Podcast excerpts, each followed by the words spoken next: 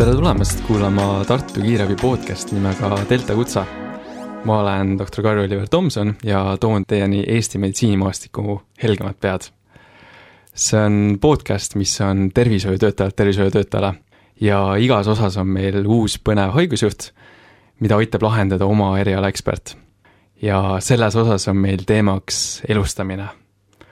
ja nagu ka eelnevates osades, on meil siis ka seekord võimalik kiirabiauto peale võtta oma eriala ekspert ja mul on suur-suur hea meel siin täna saates tutvustada doktor Martin Padarit, kes on Tartu Ülikooli Kliinikumi intensiivraviarst, teise intensiivi osakonna juhataja ja ka Tartu kiirabi reanimobiiliarst, tere!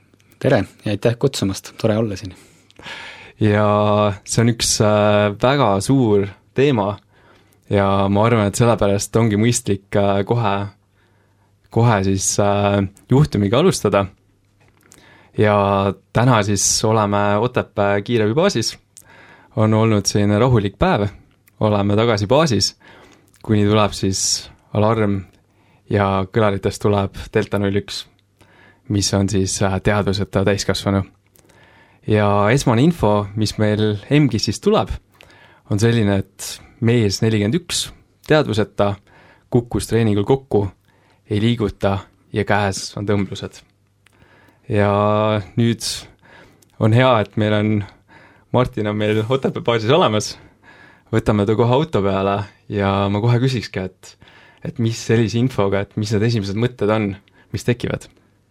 Sellele kutsele sõites ma mõtlen, et tegu on millegi potentsiaalselt eluohtlikuga ja kindlasti sõidab meie brigaad sinna väga kiiresti ja kuigi tegu ei pruugi olla kardiaalseksurmaga, siis selle tõenäosus on äh, suur mm. -hmm, et saab kohe vilkurite ja kõigega äh, sõitma minna ja, ja jälle, et nagu eelnevatel podcast'idel ka, et kiirabi iseloomus või see töö on selline, et siis on sinna sündmuskohale sõites on meil aega, me saame rahulikult mõelda, noh, mõnikord tõesti see ütleme, antud juhul see elustamine on ümber nurga, mis, mis teeb selle kohe palju raskemaks, aga ütleme, et meil on praegu kümme minutit aega, me saame rahulikult mõelda, et mis võiks olla see, selle nagu ütleme, info põhjal diferentsiaaldiagnostika, et, et mille peale sa siis mõtleksid?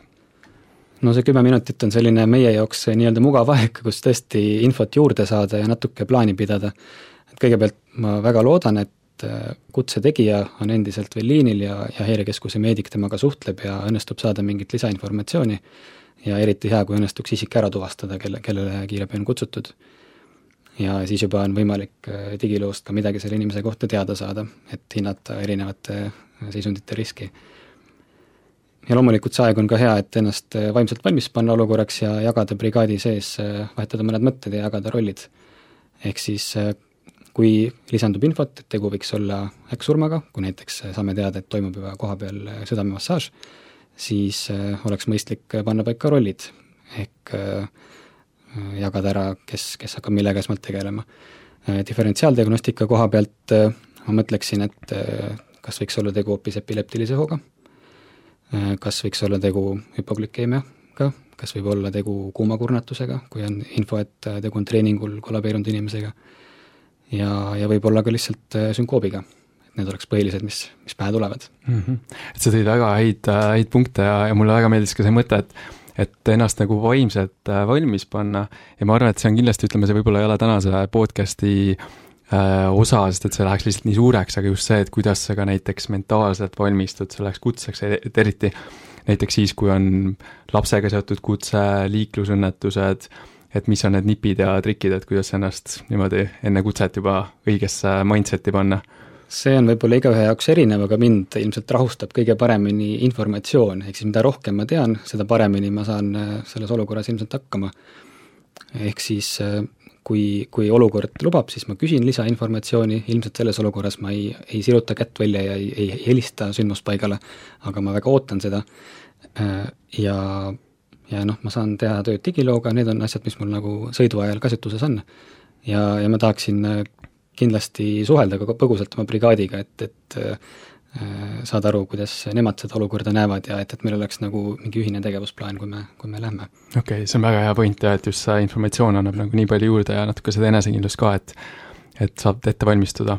aga sa natukene mainisid ka sellest, et jaotad ülesanded brigaadisiseselt ära, et et kuna me oleme kiirabis praegu, et äh, kuidas sul praktika on, et näiteks äh, kes võtab mis asjad või mis asjad sa antud juhul sündmuspaigal üldse kaasa võtaksid? Äh, natuke sõltub äh, sellest, mis, milline see sündmuspaik täpselt on ja kui lähedale me sinna autoga saame. et kui õnnestub saada väga lähedale, siis ma võtan kaasa ainult hädavajaliku, aga samas, kui ma tean, et tuleb äh, joosta pikk, pikk maa sündmuspaigani või, või on see kuskil mitmendal korrusel, siis võtaks varustust kaasa rohkem. no miinimumvarustus on hapnik, elustamiskohver, kardiomonitor, defibrillaator ja siis mina võtan oma kätte arstikohvri mm. -hmm. Kui elame natuke luksuslikumates tingimustes ja olen näiteks reanimobiilibrigaadi peal, siis võin kaasa võtta näiteks veel ultrali, võime kaasa võtta lukasseadme ja miks ka mitte kandeteki mm, -hmm. nähes ette haigetransporti mm. -hmm. kas ka aspiraatori näiteks või kuidas, kuidas sul sellega äh, ausalt öeldes see, see vahend on küll jäänud minu praktikas esi, esimesel nagu sündmuspaigale minekul mm -hmm. maha ja oleme saanud hakkama käsivahendiga. okei okay., et see on, see on hea, et seda, et seda võib alati ette tulla, et, et mm -hmm. lihtsalt see hingamisteede tagamisel see vajak kasulik tuleb, aga meil on ka tõesti see väike olemas, et mm -hmm. millega saab nagu esmased toimingud tehtud jah, et kui mõelda just sellele nagu kardiaalsele äkksurmale, et et kaks võib-olla, et sa mainisid ka enne, et ütleme, jaotada need rollid ära ja siis äh, kaks nagu prioriteeti, mis võiks olla, eks ju, on defibrilatsioon ja südamemassaaž. et need siis võimalikult kiiresti algaks ja absoluutselt, et tavapraktika meie kolmeliikmelises brigaadis on ju selline, et äh, kiirabitehnik, autojuht võtab äh, südamemassaaži ema, enda peale, võtab selle vajadusel üle, kui see on alustatud koha peal ja siis äh, teise liikme, kelleks on enamasti meil õde, tema roll on siis äh, monitoorida südamerütmi, äh, teha vajadusel kiire defibrillatsioon või mitte defibrilleeritava rütmi korral siis jätkata veini kanüleerimisega või noh, veretee rajamisega. ja brigaadi juhtiva liikme roll on siis hingamiste tagamine. kõigepealt lihtsalt hingamiste avamine sündmuskohale esmaselt saabudes, edasi siis mingisuguse hingamiste abivahendiga mm. -hmm. siin võib-olla natukene sellest nagu logistilisest paigutusest ka rääkida, et et, et ma ise, ise osalesin kiirabi kutsemeisterlikkuse võistlusel ja seal, seal sai natukene nagu läbi mõeldud, et mis see logistiline pool võiks olla, ja siis, mis me leidsime, et kõige parem on siis, kui nagu sa mainisid, eks brigaadijuht jääb alati sinna pea juurde hingamisteede poole, tehnik siis alustab kohe siis kompressiooni või siis võtab kompressioonide tegemise üle, def läheb siis nagu teisele poole tehnikust ja õde siis või teine liige siis jääb sinna defi poole Mm -hmm. ja, ja see, et tehnik ja def on nagu üksteisest äh, teisel poolel, et see võimaldab siis ka nagu tehnikul jälgida just seda aega, et mm, -hmm. et millal tuleb järgmine rütmikontroll, et just nagu hoida sel ajal silma peal, sest et tõenäoliselt teised tegutsevad, brigaadijuht tegutseb, eks ju, hingamiste tagamisega mm, -hmm. vambutamisega, ja, ja samal ajal siis õde kas siis paneb kleebitavaid elektroode peale, loob veeniteed ja nii edasi ja nii edasi mm. -hmm. jah, ma arvan, et see on hea paigutus ja ma lisaks veel selle, et mulle meeldib, kui elustamiskott paikneb patsiendi õla, ütleme, kõrgusel või kuskil külje peal, kus, või noh, pigem hingamiste poole peal. ehk siis ka minul endal on juurdepääs elustamiskotile. et kui õde on ametis näiteks kleebitavate labade paigaldamisega, monitooringu rakendamisega, veenitee rajamisega, siis ma saan ise ennast aidata hingamiste vahenditega. et ma ei võta väärtuslikku e-ressurssi ära selle, sel ajal. see on väga hea tähelepanek ja, ja, ja mulle endale ka, et teoreetiliselt meeldib seda punast kotti, elustamiskotti ise kanda, et siis ma tean, et ma panen selle kohe enda kõrvale. Mm., et siis on kohe, mul saab võtta samal ajal õde, saab tegeleda, tegeleda muude asjadega, et äh, et eks nendele väikestele autodele võib-olla see natukene raskem, sest et see peab minema auto taha, see punane kott on seal, ma ei tea, kas selle mobiili peal on see punane kott? Paikneb? teise liikme istme all aga noh, sündmuspaigal okay. sa paned ta sinna, kuhu tahad, eks mm. -hmm. sa mõtlesid praegu auto kontekstis? jah, jah, jah, täpselt mm, -hmm. jaa, et no autos on üldse teine lugu ja seal on keerulisem.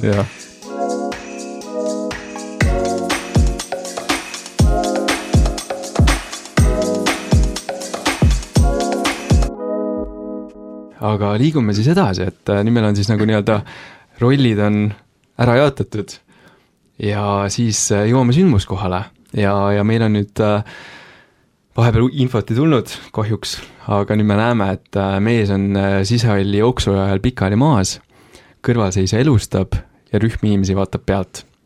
et äh, mis nüüd sündmuskohale jõudes, et mis on su edasised sammud? no esimene mõte oleks võtta kontroll olukorra üle meie brigaadi kanda, aga see on hea, et sa mainid, et kõrval on rühm pealtvaatajaid, ehk siis kohe etteruttavalt saab öelda, et neid on võimalik võib-olla ära kasutada elustamise edenedes masseerijatena, kui, kui autojuht ja, või õde näiteks väsivad. ehk siis see on ressurss, mida me saame kasutada, aga mida ma teeksin, ehk siis asun ise hingamiste juurde, avan hingamisteed, äh, kuni mul ei ole ühtegi vahendit, äh, palun õel äh, labadega hinnata südamerütmi ja vajadusel defibrilleerida kahesaja džauliga ja, ja siis kiirabitehnika autojuht võtab massaaži üle, et need on nagu esmased tegevused. ja hakkan iseennast abistama, ehk siis võtan elustamiskotist hambu, maski, hapnikku ja, ja hakkame tegema kolmkümmend kahele siis äh, massaaži, kui mul on need vahendid olemas. et see on üks, äh, et väga hea point ka, mis, äh, mis sealt välja tuli, et et mis nagu brigaadi juhi ülesanne on, mis võib-olla on niisugustes sündmustes isegi kõige raskem, on see, et et sa pead seda sündmust nüüd üks hetk juhtima hakkama ise mm. -hmm. Ja sul ei ole mitte ainult, eks ju, sul on kõigepealt on sul patsient, kelle eest sa pead hoolitsema, siis sul on brigaadiliikmed, ja siis sul on veel rühm inimesi ka. ja, ja, ja see kõik, kõik need erinevad osapooled peavad olema siis nii-öelda sinu kontrolli all. et on sul sealt oma kogemusest mingid äh, nõuanded või soovitused, eriti näiteks uutele brigaadijuhtidele, et et kuidas sellises olukorras rahulikuks jääda, millele keskenduda, sest et neid osapooli, eks ju, mis mõjutavad, on lihtsalt nii palju ja avalikus kohas elustamine kindlasti ei ole lihtne ülesanne, on raskem ülesanne kui korteris või mingis muus suletud ruumis. et äh, kui, kui brigaadiliige tunneb, et ta on häiritud ümbritsevatest inimestest, siis äh, on mõistlik paluda nendel astuda tagasi, tekitada mingisugune turvaline ruum, kus keegi ei sagi ja, ja ja võib-olla koguda esimene info ära, aga siis paluda inimestel olla, olla tasa ja lasta meil oma tööd teha. Et vaikus ja ruum on need, millega saab nagu ennast aidata. ja, ja võib-olla, kui juures mingil põhjusel on politsei või pääste või mõni muu ametiasutuse esindaja, siis äh, võib paluda neil seda korda hoida, et endalt ülesandeid vähemaks saada. -hmm. Et kui meil on ka, ütleme, niisuguseid äh, kuulajaid võib-olla, kes ei ole tervishoiutöötajad või, või siis kes satuvad siis ütleme, tervishoiutöötajana, ütleme tavainimesena nagu siis mitte tööl olles elustamise juurde, et võib-olla on ka siin hea nagu soovitus, et, et natukene võib-olla ütleme, hoida korraks tahaplaanile, oodata ära, mida brigaadijuht ütleb, et mitte nagu tormata siis nii-öelda pea ees appi, et et pärast on selline olukord, et õde defibreerib, keegi hoiab suurest varbast kinni, et siis järsku on nagu kaks kaks patsienti ootamatult. näiteks, just. et, et siis on nagu, et eks see, eks see on alati nagu brigaadijuhile suur, suur väljakutse, et, et kõiki nagu neid erinevaid liikuvaid osi kontrollida ja jaa, arusaadav, et ümber olevad inimesed soovivad aidata, aga nende töö ongi juba tehtud tegelikult sellega, et nad on alustanud südamemassaaži, helistanud häirekeskusesse,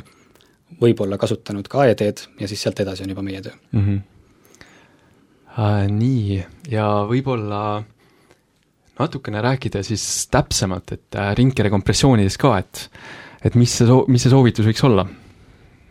no praegu teadaolev parim soovitus on teha sada, sada kakskümmend korda minutis rindkere kompressioone, äh, teha neid selliselt, et rindkere vähemalt viis-kuus sentimeetrit äh, vetruks sissepoole, teha seda sirgete kätega, endale mugavas asendis, patsiendi kohal olles ja võimaldada pärast iga vajutust siis rindkerel ka täielikult oma kuju taastada. ehk siis mitte jääda patsiendi peale nii-öelda äh, vajuma. ja, ja brigaadijuhi üks oluline roll on ka pea juurest olukorda jälgides äh, hinnata selle tegevuse efektiivsust. et teada on, et kuskil paari minuti jooksul ka kõige tugevamad meist kipuvad väsima ja brigaadijuhi roll on siis paluda masseerijat vahetada ja tihtilugu just, äh, kus see nagu see väsimus tekib, et võib-olla see ei ole selles sageduses, see ei ole selles sügavuses, aga just see, et inimesed vajuvad selle ringkere peale ja siis mm. ei, ütleme, ei lase ringkerel kuju taastada ja siis lihtsalt süda ei täitu enam verega ja ja et see on võib-olla see koht, et kus siis äh, tegelikult eksimus tekib. jah, just, ja, ja võib maksta lõpuks ka elu, eks mm. -hmm et seda siis jälgida ja, ja võimalusel jälle, et võib-olla see on siis koht, et kus saab äkki siis äh, kõrvalolijaid võimalusel aidata, et et kui tõesti, ma ei tea, hüüda välja, et äh, kes on elustamiskoolituse läbinud, tõstke käed, kes tõstavad käed, et äkki siis kasutada neid, et täpselt nii. kuna neid, tõesti neid käsi elustamise puhul on alati puudu. tavaliselt liiga vähe. sa mainisid ka Lukast. Lukas on muidugi selline asi, mis ei ole kõikides brigaadides, aga kui sul see on olemas, siis mis sinu soovitused on? Äh, Lukas ehk siis mehaaniline rindkere kompressiooniseade on minu teada olemas lisaks reanimobiilidele ka maakondade arstibrigaadides, ehk siis ka minul Otepääl antud juhtumil, ja Lukase puhul me teame seda, et äh, kui elustamine jääb sinna paika, kus, kus sündmus algas, siis ei ole näidatud veenvalt, et ta parandaks tulemusi. küll aga mida ta võib mõnel puhul anda ja just niimoodi tajutavalt anda, on teatava rahu, rütmi, anda äh, käed vabaks masseerijal, et kui on tõesti sündmusel ainult kolm abiandjat, siis on võimalik äh, kolmandal liikmel saada käed vabaks ja teha midagi muud vajalikku. küll aga kus Lukas muutub asendamatuks, on olukord, kus me peame elustatavaga hakkama liikuma. ehk siis meil ei õnnestu lahendada olukorda koha peal, me, meil on mõte liikuda näiteks haigla suunas. et sellisel juhul on, on Lukas kindlasti väga vajalik ja miks me võiksime üldse liikuda haiglasse, äh, näiteks kui meil on mõttes, et patsient võib saada kasu kehavälise vereringe abil elustamisest. et siin võiks juba selle peale mõelda, eks ju, et meil on tegemist neljakümne ühe aastase mehega, et äh, noor mees äh,, tõenäoliselt ikkagi selles mõttes pööratav põhjus, et, äh, et võiks sellest abi olla ja et selle peale, et mis hetkel selle peale peaks mõtlema üldse mis hetkel mõtlema võimaliku ECPR-i siis ECPR ECMO peale? kehavälise vereringe mm -hmm. elustamise peale.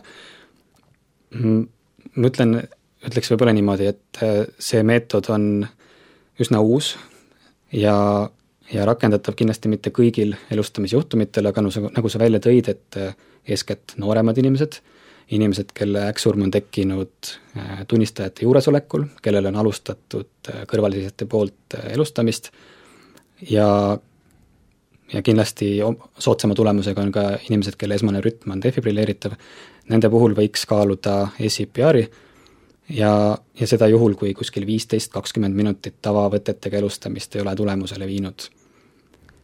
et sellisel puhul äh, tasuks äh, äh, kas hakata ise seda transporti tegema, kui sa saad seda ohutult teha, ohutult selle all ma pean silmas, et liikuvas autos kaksiratsi raami peal olles ei ole ohutu maanteel kihutada et selleks tuleb kasutada ikkagi äh, Lukas abivahendit äh, või siis on vaja kutsuda abi reanimobiili näol.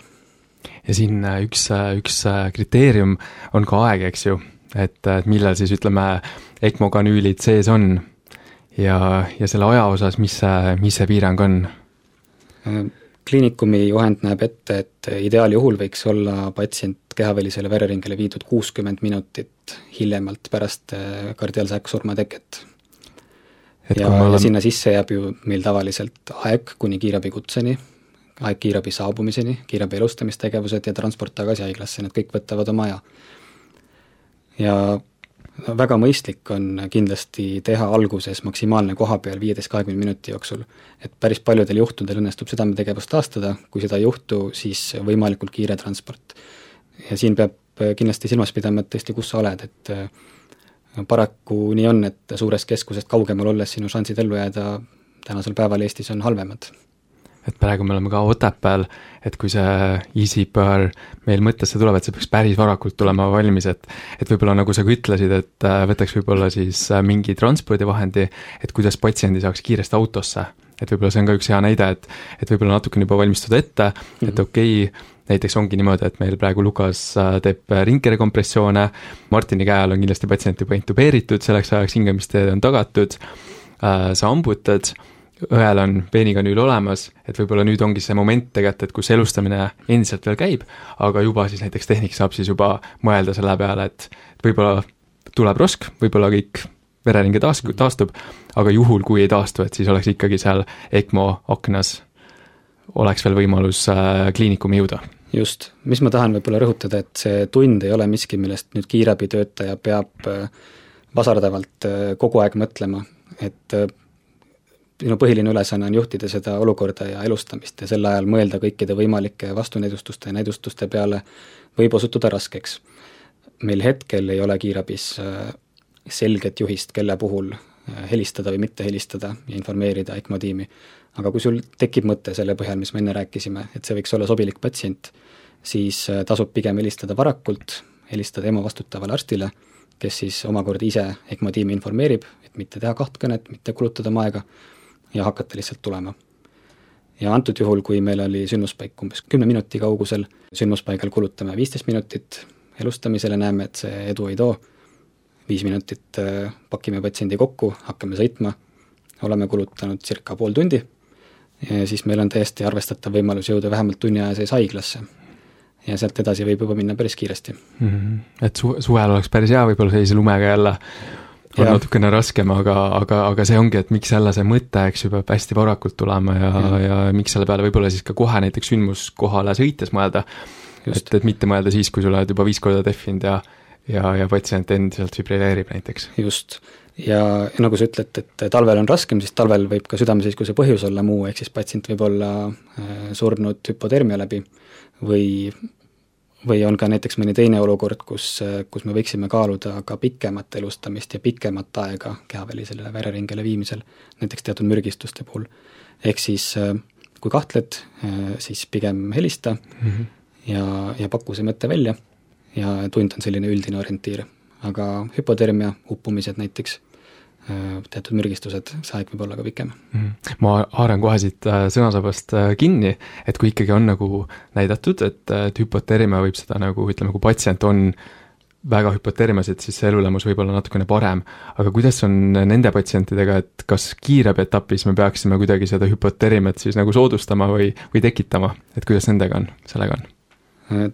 Tänase parima teadmise järgi pigem ei peaks, et äh, külmade lahuste ülekandmine või muude meetoditega jahutamine ei ole äh, hetkel näidustatud äh, kiirabis, seda teame me viimasest ERC elustamisjuhisest, mis üleüldse elustamisjärgse temperatuuri kontrolli osas ütleb seda, et me liigume ära hüpotermiast, normotermiast ja liigume palaviku vältimise suunas, ehk siis kuna meil ei ole veenvaid andmeid, et hüpotermia või normotermia säilitamine isegi äh, tulemusi parandaks, siis kindlasti me ei peaks seda kiirabi etapis äh, kuidagi forsseerima mm. -hmm. et keskenduma kahele asjale tegelikult, mis, mis on näidatud, on siis defibrillatsioon ja, ja südamemassaaž. et need siis ei katkeks. ja et ei peaks enda jaoks ka võib-olla asju liiga keeruliseks tegema ja hoidma nagu lihtsana. just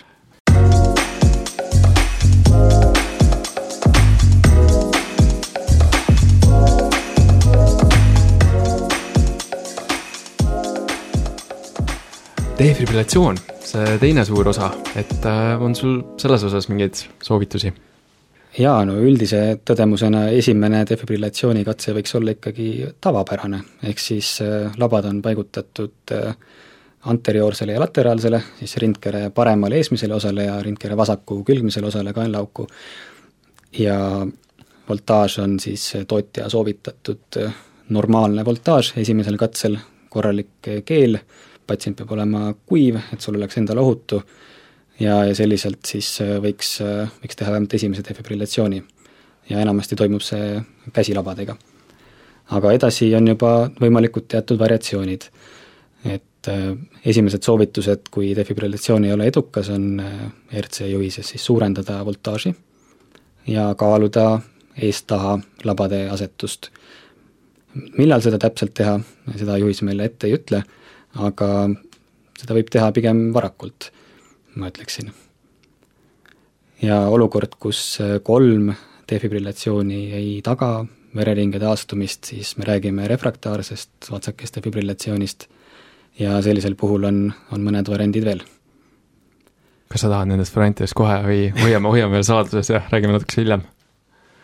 võime rääkida nendest praegu, et et on, on variant äh, näiteks rakendada kiiret järjestikust äh, defibrillatsiooni ja, ja seda nimetatakse inglise keeles siis dual sequen-, sequential äh, defibrillation. Ja mõte seisneb selles, et kasutatakse kahte defibrillaatorit, mille labad paigutatakse esimese puhul siis tavaline anterolateraalne suund ja teise puhul siis anteroposteriaalselt ja rakendatakse kaks hästi kiiret järjestikust šokki. ja selliselt äh, võib, ei pruugi, aga võib, on teatud viiteid uuringutest äh, spontaanne vereringe paremini taastuda. et see on küllaltki äh, pigem uus teadmine, kahe tuhande kahekümne esimese aasta elustamisjuhised soovitavad selle tegevuse vastu, kuna tõendusmaterjal toona oli ebapiisav, aga kahe tuhande kahekümne teisel aastal on ilmunud uuring nimega Dose VF, see on üks Kanadas läbi viidud neljasaja patsiendiga uuring, kus siis võrreldi seda double sequential defibrillatsiooni võrdluses tavalisega, lisaks siis kolmas grupp oli seal ka see vector change, ehk siis anterioposteriaalse labadasetusega grupp, grupp. ja mida nad näitasid, et double sequential grupis selline oluline tulemusnäitaja nagu elujäänud patsientide osakaal haiglast väljakirjutamisel, ehk siis tükk-tükk maad pärast seda esmast tegevust, oli oluliselt suurem, oli kolmkümmend protsenti, võrreldes nendega, kes, keda käsitleti tavalise defibrillatsiooni strateegiaga ja oli vaid kolmteist protsenti et see on see uus, uus põnev uuring, mis on välja tulnud ja natukene siis tekitanud sellist äh, põnevust ja, ja elevust äh, valdkonnas võib-olla, mis on niisugune suhteliselt äh, pikalt püsinud suhteliselt samasugune. Ja, ja see on huvitav jah, et kuidas see nagu muutub. et enne seda podcast'i ma natukene küsisin ka, uurisin maad, niisiis äh, Tartu kui, kui Tallinna EMO arstide ja residentide käest, et kas keegi on kasutanud, kas keegi on proovinud, siis kõik vastasid eitavalt, et äh, ei tea kedagi, kes oleks proovinud ja ei nii seda, siis seda vector change'i äh,, vektorivahetust, kus siis on äh, anterioorne ja posterioorne labade asetus, kui ka siis äh, äh, kahe, kahekordne järjestikune defibrillatsioon. et äh, kas äh, kas sa ise, ütleme nagu soovitaksid, et, et võiks ikkagi proovida ja vaadata, et no kõigepealt aus ülestunnistus, et ma ise ei ole seda ka kasutanud, et äh, mu kiirabi kogemus on veel suhteliselt lühike, kolme aasta juures, ja, ja ei tööta suure koormusega siin. aga see on miski, mida võiks kaaluda. siin tekivad loomulikult tehnilised küsimused, et kust ma selle teise defibrillaatori võtan.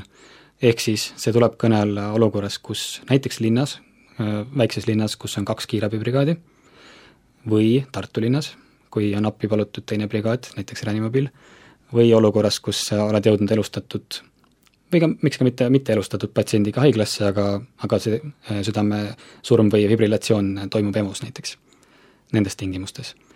et äh, muud varianti ma ka ette ei kujuta, et ma ei, ma kindlasti ei, ei näe, et oleks mõistlik hakata ringi sõitma kahe defiga mm. -hmm et äh, aga kindlasti, kindlasti seal on ka niisugune tehniline võib-olla ütleme nagu oskus, et et, et ikkagi, et kui seda ütleme katsetada või kui seda proovida tõesti, et kui pärast kolmandat šokki ikkagi püsib see VF, et see paus ei läheks liiga suureks, et samamoodi näiteks sellel vector change'il, et, et kui panna siis need levitavad elektroodid ära vahetada, et seda teha siis niimoodi võimalikult äh, kiiresti ja niimoodi, et see kardiaalsest nagu või südamekompressioonidel ei jääks liiga suur paus jääks vahele. jaa, absoluutselt, ja Dose VF uuringus, kes tahab lugeda, siis äh, neil on isegi uuringu originaalteksti juures avaldatud video sellest, kuidas nad seda tegid, lühidalt oli see nii, et äh, pärast kolmandat äh, rütmikontrolli ja šokki võeti vastu otsus paigaldada siis tagumised labad lisaks eelnes kõigepealt üks kolmkümmend kahele massaaži ja, ja ventilatsioonitsükkel,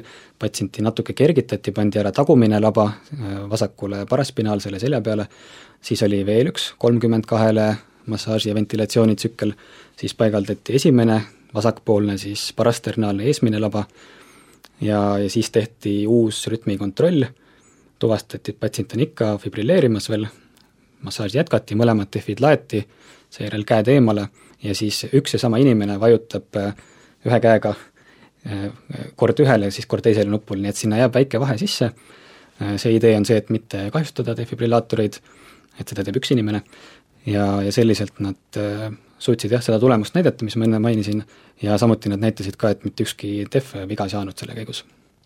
väga põnev, kas aga oskad sa seletada ka, et mis see, ütleme, mis see teoreetiline patofüsioloogia seal taga on, et miks nüüd ütleme niimoodi, et et miks see standard siis ei toimi või miks see siis nüüd, need uued meetodid paremad on, et äh, mis see taust seal on? no see on sellised hüpoteesid, et äh, teatud südameosad ei pruugi lihtsalt saada seda nii-öelda kasulikku voltaaži kätte. ja seda võib-olla eriti olukorras, kus müokard on hüpertrofeerunud, et äh, sellistes laborikatsetes on näidatud just, et südame tagasein ei pruugi olla, ei saada, ei pruugi saada piisavat voltaaži ja just see anteroposteriorne asetus tagab selle, et et ka sinna see vajalik äh, energia jõuab. et muidu lihtsalt üks südameosa siis jääb nagu fibrilleerima edasi? Äh, või, või siis äh, lõpetab küll fibrilleerimise, aga kohe, kohe taastub.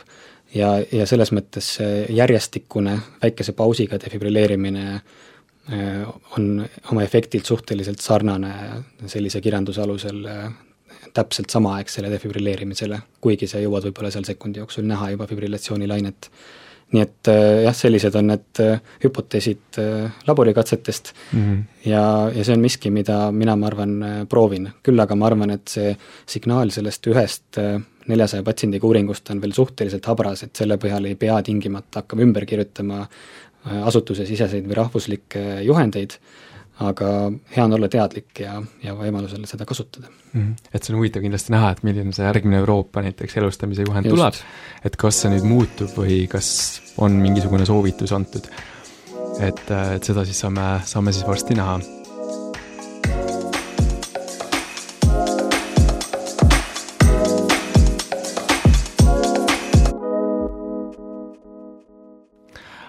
räägime natuke ravimitest ka räägime. et, äh, et see on ka jälle niisugune teema, millest võiks rääkida pikalt ja lõpmatult, et äh, kui meil ongi, ütleme, ja siin me võime tuua näiteks siis äh, Paramedic kahe uuringu, et mis just uuris siis adrenaliini toimet ja kas, kuidas, kuidas sinu emotsioonid adrenaliini osas on ja, ja mis mõtted tekivad? seda uuringu tulemust ma ootasin suure huviga toona, see kaks tuhat kaheksateist aastal avaldati uuring äh, kaheksa tuhat elustamisjuhtumit Ühendkuningriikides ja see peaks olema siis selline nii-öelda landmark paper adrenaliini kohta ja sellest oodati palju. mis need tulemused olid ja noh, natuke taustast veel enne, et äh, kõik kiirabibrigaadid siis randomiseeriti kasutama kas adrenaliini või platseebot, seejuures nad ise ei teadnud kumba ja ainuke võimalus, kus nad võisid adrenaliini teha, oli siis anafülaksia juhtumite korral, kui nad võisid kasutada tõesti noh, kindlalt ravimit, mis oli adrenaliin ja rasedate puhul käisid uuringust välja.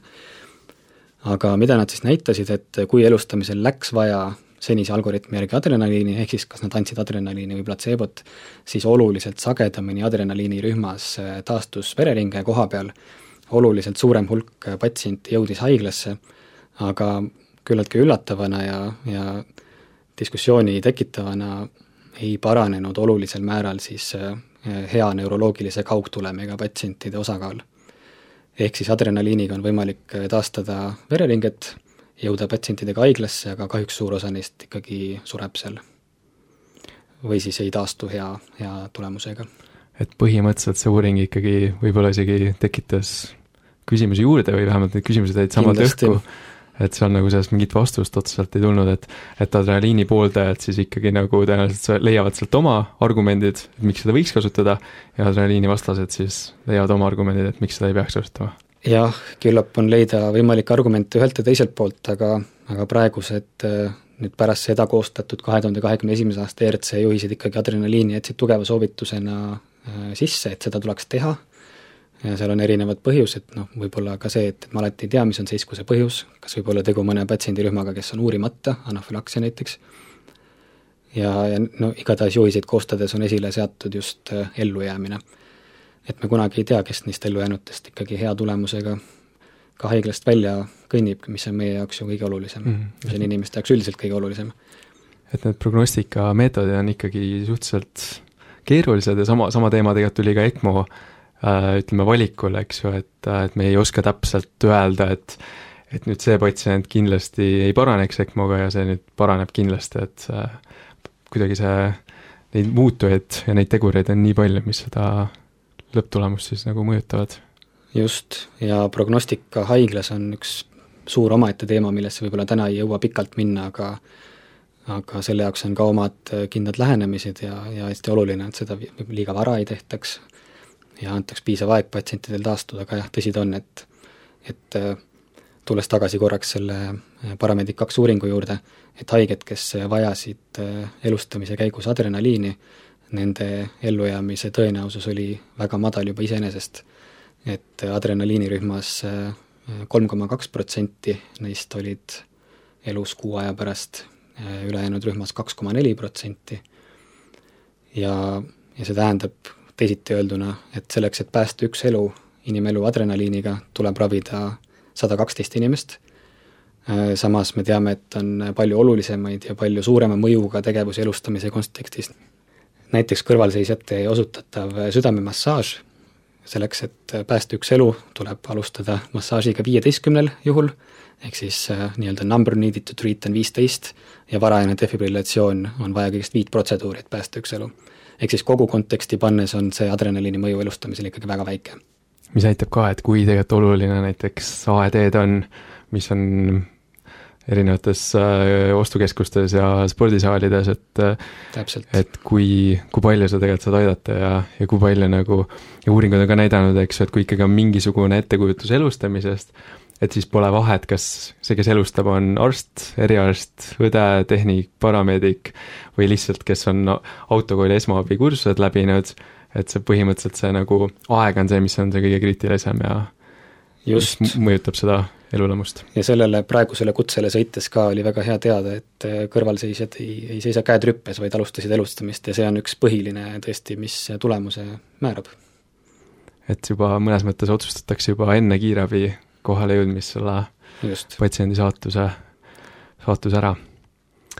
ja, ja mis selle adrenaliini puhul ka on kummaline, et, et sama, mis see Parameedic kaks, äh, mis ta mainis, on see, et adrenaliin iseenesest suurendab rütmihäirete sagedust, ta suurendab müokardi hapniku tarvet ja, ja vähendab tõenäosust, et südam läheb rütmi, et et, et, et on huvitav vaadata, et mis tulevikus adrenaliinist saab ja ja võib-olla kümne aasta pärast seda podcast'i tehes äh, kasutame mõnda hoopis teist ravimit juba. kasutame teist ravimit ja mõtleme, et kuidas me seda adrenaliini nüüd nii palju tegime, et aga, aga võib-olla see tuleb jälle tagasi, et see on meditsiinis käiv, eks ju, kõik edasi-tagasi ja just nii, et tõsi ta on, et äh, tihti pärast äh, adrenaliini kasutamist, kui vereringe taastub, siis me näeme mingeid tahjuarütmiaid, ventrikulaarseid rütmihäireid, hüpertensiooni, miski, mis ei ole üldse selles olukorras ju tegelikult soovitav.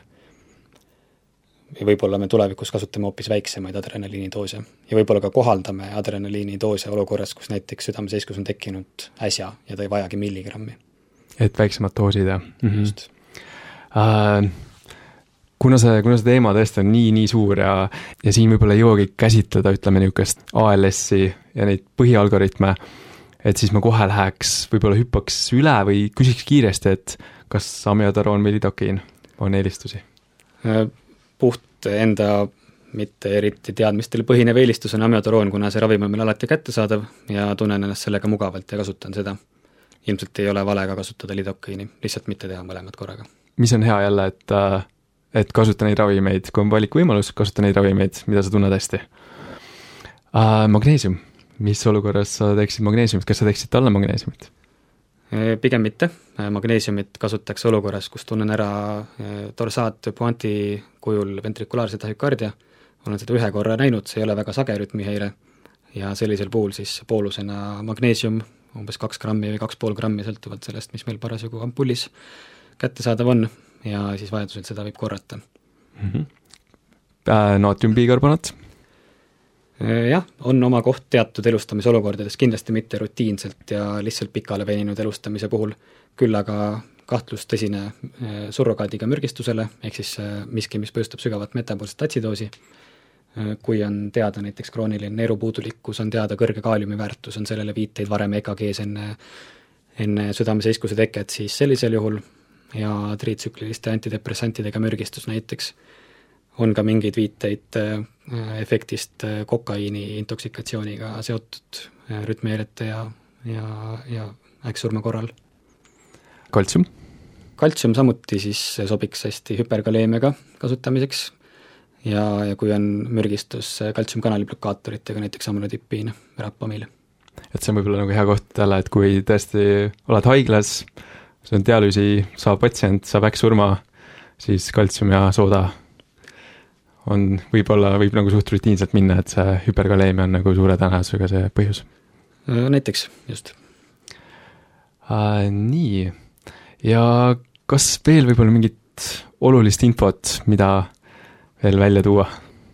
Võib-olla jah, et korra käiks üle need neli H-d ja neli T-d, mida ei maksa ära unustada, kui meil on tegemist mitte defibrilleeritava rütmiga lihtsalt korra need, need oleks endal meeles, me räägime siis hüpoksiast, hüpovoleemiast, hüpo- või hüperkaleemiast või muudest metaboolsetest põhjustest ja hüpotermiast. et ilmselt siit rühmast kõige sagedasem võiks olla siis hüpoksia või traumasurma korral hüpovoleemia. ja neli T-d, toksiinid, tamponaad, perikardi tamponaad, pingeline õhkrind, tension pneumothorax, eks, ja mis see neljas on? tromboos. tromboos ehk äh, kate, mis võiks olla siit kõige sagedasem.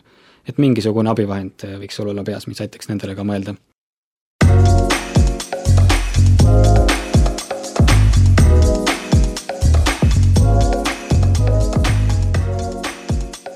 ja võib-olla läheks kohe siit situatsiooniga edasi, et, et nüüd patsient on intubeeritud, kolm korda defibrilleeritud, ütleme, et ta on defibrilleeritud klassikalise, klassikalisel mm. viisil, lihtsalt anterioorne ja lateraalne elektroodide asendus, patsiendil on endiselt VF ja, ja antud juhul oleks siis see refraktaarne VF mm. -hmm. kas võib-olla käies siit läbi ka need neli H-d ja neli D-d, et äh, et välistada, ütleme, neid erinevaid taaspöörduvaid põhjuseid? jaa, no käime läbi. hüpovoleemia pigem ei usu, ei sobi hästi südameseiskuse vormiga, elektrolüütide häired ka pigem vähetõenäoline, ma arvan, kui on inimene eelnevalt teinud trenni ja tundnud ennast eeldatavasti hästi, hüpotermia kindlasti mitte. Ja siis, mis meil neljas nüüd oli, aita neljane. Äh,? Hüpoksia. hüpoksia jah, võimalik, näiteks kui inimene on saanud krambihoo, võib-olla aspireerinud, võib-olla võõrkeha, mis iganes, et tasub mõelda.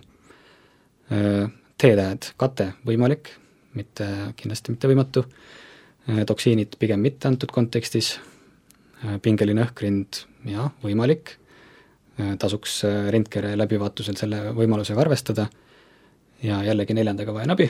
toksiinid? pigem mitte antud olukorras. Jah, siin korra enne mainisime põgusalt, võib-olla ei maininud ka ultraheli kasutust äh, äh, elustamise käigus, et mida me saaksime nendest neljast H-st ja neljast T-st ultraheliga välistada kiirabi olukorras, on äh, õhkrind ja, ja perikardi tamponaad. Võib-olla mõnedes spetsiifilisemates olukordades ka mingi muu paikme veritsus, aga need oleks need põhilised. seda minu brigaadil täna kaasas ei ole, küsisid, mida edasi teeksin, me oleme jõudnud algoritmiga sinnamaale, kus kolm DEF-i on tehtud. Tähendab, et on aeg manustada ravimid ehk amüdaroon ja adrenaliin. Ja kui ma seni ei ole äh, teinud, siis ma paluksin teisel liikmel suurendada voltaaži. Ja kuna olen Otepääl, olen üksi, reanimobiil on kaugel, siis kahe defibrilla-, defibrilaatori luksust mul ei ole, küll aga ma prooviksin siis eest-taha labade asetust. ja ma arvan, et jätkaksin sellist viisi veel umbes kaks tsüklit ja andes aru, et tegu on noore inimesega, Äh, eeldatavasti kardiaalsäkksurmaga, võimalik näiteks müokardiinfarkt, äh, siis ja ka seda, et ma olen suhteliselt kaugel, siis ma pigem juba seal viieteist minuti kandis äh, tõsiselt alustaks ettevalmistusi transpordiks mm. -hmm. ehk kui seni ei ole neid asju toodud, paluks autojuhil tuua lukase, kandeteki, kõik need ümberseisvad tugevad kätepaarid paneks patsienti tassima, läheks autosse ja põrutaks haigla poole. Ja, ja praegu on tõesti see luksus, et on hästi palju tõenäoliselt noh, treeningsaalis palju tugevaid äh, naisi ja mehi on ümber, aga võib-olla kui kuskil olla näiteks jälle kodus, teisel korrusel, et see koht ka, kus näiteks päästeappi kutsuda, et, et nad juba oleksid, ütleme selleks hetkeks, kui juba transport algab, et siis nad oleksid juba seal olemas ja valmis. näiteks, kuigi see võib osutuda ka suht aeglaseks äh, meetodiks tegelikult, ehk siis prõmmida läbi kõrvalkorterid ja, ja leida keegi ümbruskaudsetest ikkagi. kes saab aidata ka, absoluutselt. ja nüüd on meil situatsiooni jätk. vektorivahetus toimis, patsiendil tuli rosk, randmel on pulss tunda, teine liige mõõdab vererõhku, saab seitsekümmend seitse viiekümnele. Frekvents sada nelikümmend korda minutis. kapnograafil kolmkümmend kaheksa millimeetrit elavhõbedasammast, pupillid isokoorilised võrdsed, mis edasi? oleme rahul tehtud tööle ja mõtleme siis natuke edasi, et kõigepealt äh, teeb mulle muret pisut see vererõhk ja, ja kiire pulss, et siin võib olla veel sellist jääkadrenaliini mõju ja võib ju eeldada ka, et see rõhk äkki veel langeb. Ehk siis kui on saavutatud äh, usaldusväärne veretee, veinikanüül või luunõel, siis ma alustaks noradrenaliini infusiooniga, maitseasi, kuidas keegi soovib lahjendada, mina pakuks näiteks null üks milligramm milliliitris ja viiega käima ja kui õnnestub äh, selline enam-vähem normaalsed elulised näitajad tagada, siis täpsustaks seda põhjust. aa, ja seda ka, et ma olen kindlasti kapnoga kolmkümmend kaheksa rahul, et see on, see on väga hea tulemus. Ehk siis põhjusena all ma mõtlen kaheteist lülitusega korralik EKG, mis meile võiks anda seiskuse põhjusest aimu. ja siis juba, siis juba teame täpsemalt haige, haiglale infot anda. Mhm. et väga hea tähelepanek, et, et alati, kui on ikkagi raske, et siis alati teha EKG, et et see müokardiinfarkt võib alati seal nagu taustal äh, olla. et isegi võib-olla jääb kahtlus millegile mujale, muule. ja võib-olla kui enne raske oli, põhieesmärk oli korralik südamemassaaž ja defibrillatsioon, siis nüüd võiks olla siis äh, põhiline eesmärk tagada piisav ajuperfusioon. et just oleks see neuroloogiline tulem, oleks siis hea, et et siin nagu ei eksiks. ja edasi oleks siis transport haiglasse, et äh, mida sa seal jälgid? no transport on ikka üks ohtlik tegevus, et äh, igasugune patsiendiga selline suurem ettevõetud tegevus võiks tähendada, et me käime korraks oma abcd uuesti üle. Ehk siis, äh, kui oleme haige saanud kiirabiautosse ja oleme valmis sõiduks, siis tahan enne veel kindlasti veenduda, et intubatsioontoru on või kõritoru või kõrimask või mis iganes vahendit ma nüüd kasutasin, on selles asendis, kus ma soovin, et ta on, seal, kuhu ma ta jätsin, et hingamiskahinad mõlemapoolselt olemas ja, et hingamine on tagatud. vajadusel kasutan siis hingamisaparaati, antud juhul mitte, sõidame amputades, et haige on ilusti monitooritud ja et äh, vererõhk on vähemalt sõitu alustades piisav. ja et, et veinitee on korralikult fikseeritud et ma ei taha mingeid üllatusi sõidu ajal ja mingeid pause ebavajalikke. nüüd, kuna elustamine võttis natuke aega, siis ma eeldan, et patsient ei ole teadvusele tulnud, küll aga ta võib näidata mingeid ärkamise märke ja, ja hakata ennast liigutama või mingil muul viisil seda transporti segama hakata, et selle tõttu ma arvan, on mõistlik mõelda ka sedatsiooni peale ja kasutada tuleks ravimeid, mis on esiteks endale tuttavad, harjumuspärased ja sellised, mis patsiendi seisundit täiendavalt ei halvendaks ehk siis äh, suhteliselt väikse vereringe poolse mõjuga on äh, midasolaam, ketamiin, mida võib teha poolusannustena, kui haige on äh, pärast taaselustamist normaalse vereringega, ei ole šokis, siis võib ka kasutada propofooli näiteks. aga jah, kasuta seda, mida tunned ja tee seda mõistlikes doosides. haige tuleks kinni katta, mitte aktiivselt jahutada ja siis võib sõita alata.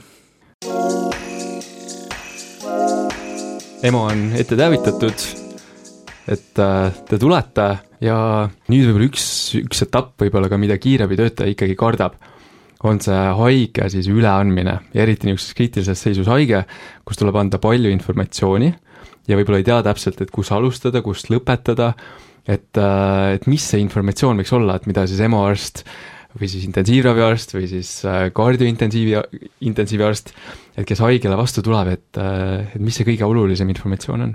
Jaa, ega seda väga karta ei maksa, et eh, eesmärk on ju lihtsalt infovahetus ja ja oluline on teha selleks nii-öelda ruumi selles emosaalis või ruumi, ma mõtlen ajalises mõttes, et eh, tehagi selgeks, et ma nüüd kavatsen patsiendi üle anda, kõik on käed eemal, keegi ei sagi, keegi ei jutusta ja sa kõigepealt võid kasutada siis sellist mnemoonikat nagu S-baar näiteks. Et äh, S tähis, tähistab seal situatsiooni, kus annad äh, ühe lausega ülevaate sellest, äh, mis situatsioon see oli. et antud juhul oli meil neljakümne ühe aastane meespatsient, kes trenni tehes kaotas teadvuse, alustati kohapeal elustamist, sest et tegu oli surmaga, kliinilise surmaga, ja siis edasi B tähendab background'i ehk taustainfot, mida on õnnestunud saada, et ta on näiteks varasemalt olnud terve, eelnevalt midagi ei kaevanud ja mingeid ravimeid ei kasutanud A tähistab assessment'i ehk siis sinu hinnangut olukorrale nii sündmuspaigal kui ka siis praegu. hinnang sündmuspaigal on see, et äh, sa mainid ära, kas on alustatud kohapeal elustamist, kas seda tehti hea kvaliteediga ja siis juba kirjeldad oma tegevused. ja siin võib jääda suhteliselt äh, lakooniliseks esialgu, et ütled, mis oli esmane äh, nähtud südamerütm, kas ja mitu korda on defibrilleeritud, kas ja milliseid ravimeid on kasutatud ja kui kaua kulus aega siis elustamistegevusele. ja sealt siis juba pärast saab hinnata kogu vereringe seiskuse perioodi. ja siis äh, rakendatud ravi pärast elustamist ja viimased elulised näitajad.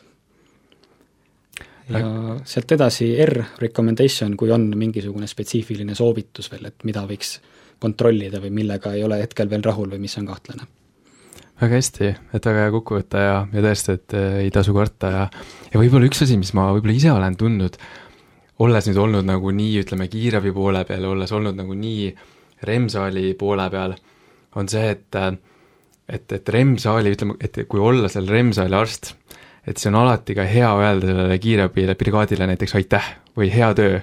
sellepärast, et see, kuidagi see kontrast on nii suur, sest et kui sa oled kiirabis, siis sa oled tulnud läbi action'i, sa oled tulnud läbi, eks ju, noh, niisugune tunne, nagu oleks lahingust läbi tulnud mm, -hmm. askeldasid, patsient oli surnud, siis antud hetkel on rosk taastunud, sa päästsid selle patsiendi elu, sa oled, eks ju, stressanud, sul on endal vererõhk kõrge, pulss kõrge, ja siis, ja siis nagu, aga samas, kui sa oled REM-saalis, siis juba kõik töö on tehtud ja siis, siis see kuidagi tundub niimoodi elementaarne, et lihtsalt üks haige tuleb et, et võib-olla see ka, et, et REM-saalis ka siis võib-olla öelda, et, et hea töö ja, ja niisugust omavahelist võib-olla suhtlust natukene, niisugust nagu tagasisidet. just, ja selline asjalik konstruktiivne tagasiside, et tõesti just sellest kõigest läbi tulnud kiirabibrigaadi jaoks ei oleks see selline järsku kett maha olukord, et siin minu kontakt patsiendiga lõpeb ja, ja me lihtsalt lahkume mm. -hmm. et väike selline sündmuse sündmuse lõpetamine siis. et see on jah, võib-olla natukene antiklimaatiline vahepeal, et et, et lähed nagu aina pingeliseks, pingeliseks, pingelisemaks, siis, siis jõuad kohale ja siis on, et noh, mis nüüd. et äh, oh, väga suur ja põnev teema ja, ja tegelikult meil jäi väga palju teemasid äh, rääkimata. alates sellest näiteks, et mis toimub haiglas, mis on intensiivravi käsitlus äh,, kuidas rääkida lähedastega, nii sellises olukorras, kui tõesti sa lähed selle patsiendiga haiglasse, siis kui kahjuks see patsient siis ütleme, kodus olles näiteks äh, sureb, et kuidas siis seda, seda lähedastega seda vestlust pidada. jaa, need on suured teemad, mida võib-olla tõesti tuleks äh, kunagi eraldi saates arutada. et, et hea kuulaja võib ka julgelt, võid märku anda, kirjutada kommentaaridesse või kuskile, et, et kui sa soovid teist osa, et, et siis võib-olla kunagi mingil hetkel kutsume Martini tagasi ja, ja saame siis rääkida põhjalikumalt ka teistest osadest. aga nüüd lõpetuseks ma küsiksin Martini käest, et anda kolm soovitust. et, äh, et seni, et kuna meie järgmine podcast tuleb alles jaanuari lõpupoole, meil tuleb väga huvitav teema, meil tuleb punane trauma ja täpsemalt noavigastus. nii et äh, on, mida oodata, seal on kindlasti väga kasulikku ja põnevat infot. aga seniks, kas on sul, Martin, üks lugemissoovitus, mida meie kuulajatele anda? Jaa, lugemissoovitus oleks võib-olla lihtne, et äh, lähtusin praegu täitsa sellest praegusest teemast ja soovitaksingi lugeda seda Dose VF uuringut, mis on päris hea äh,, hea loetavusega ja, ja hea uuring ja, ja saate sellel teemal natukene äh, sisse lugeda. et siis järgmine kord võib-olla, kui me juba podcast'i teeme, et siis on juba neid erinevaid defibrillatsiooni meetodeid ka juba katsetatud. just.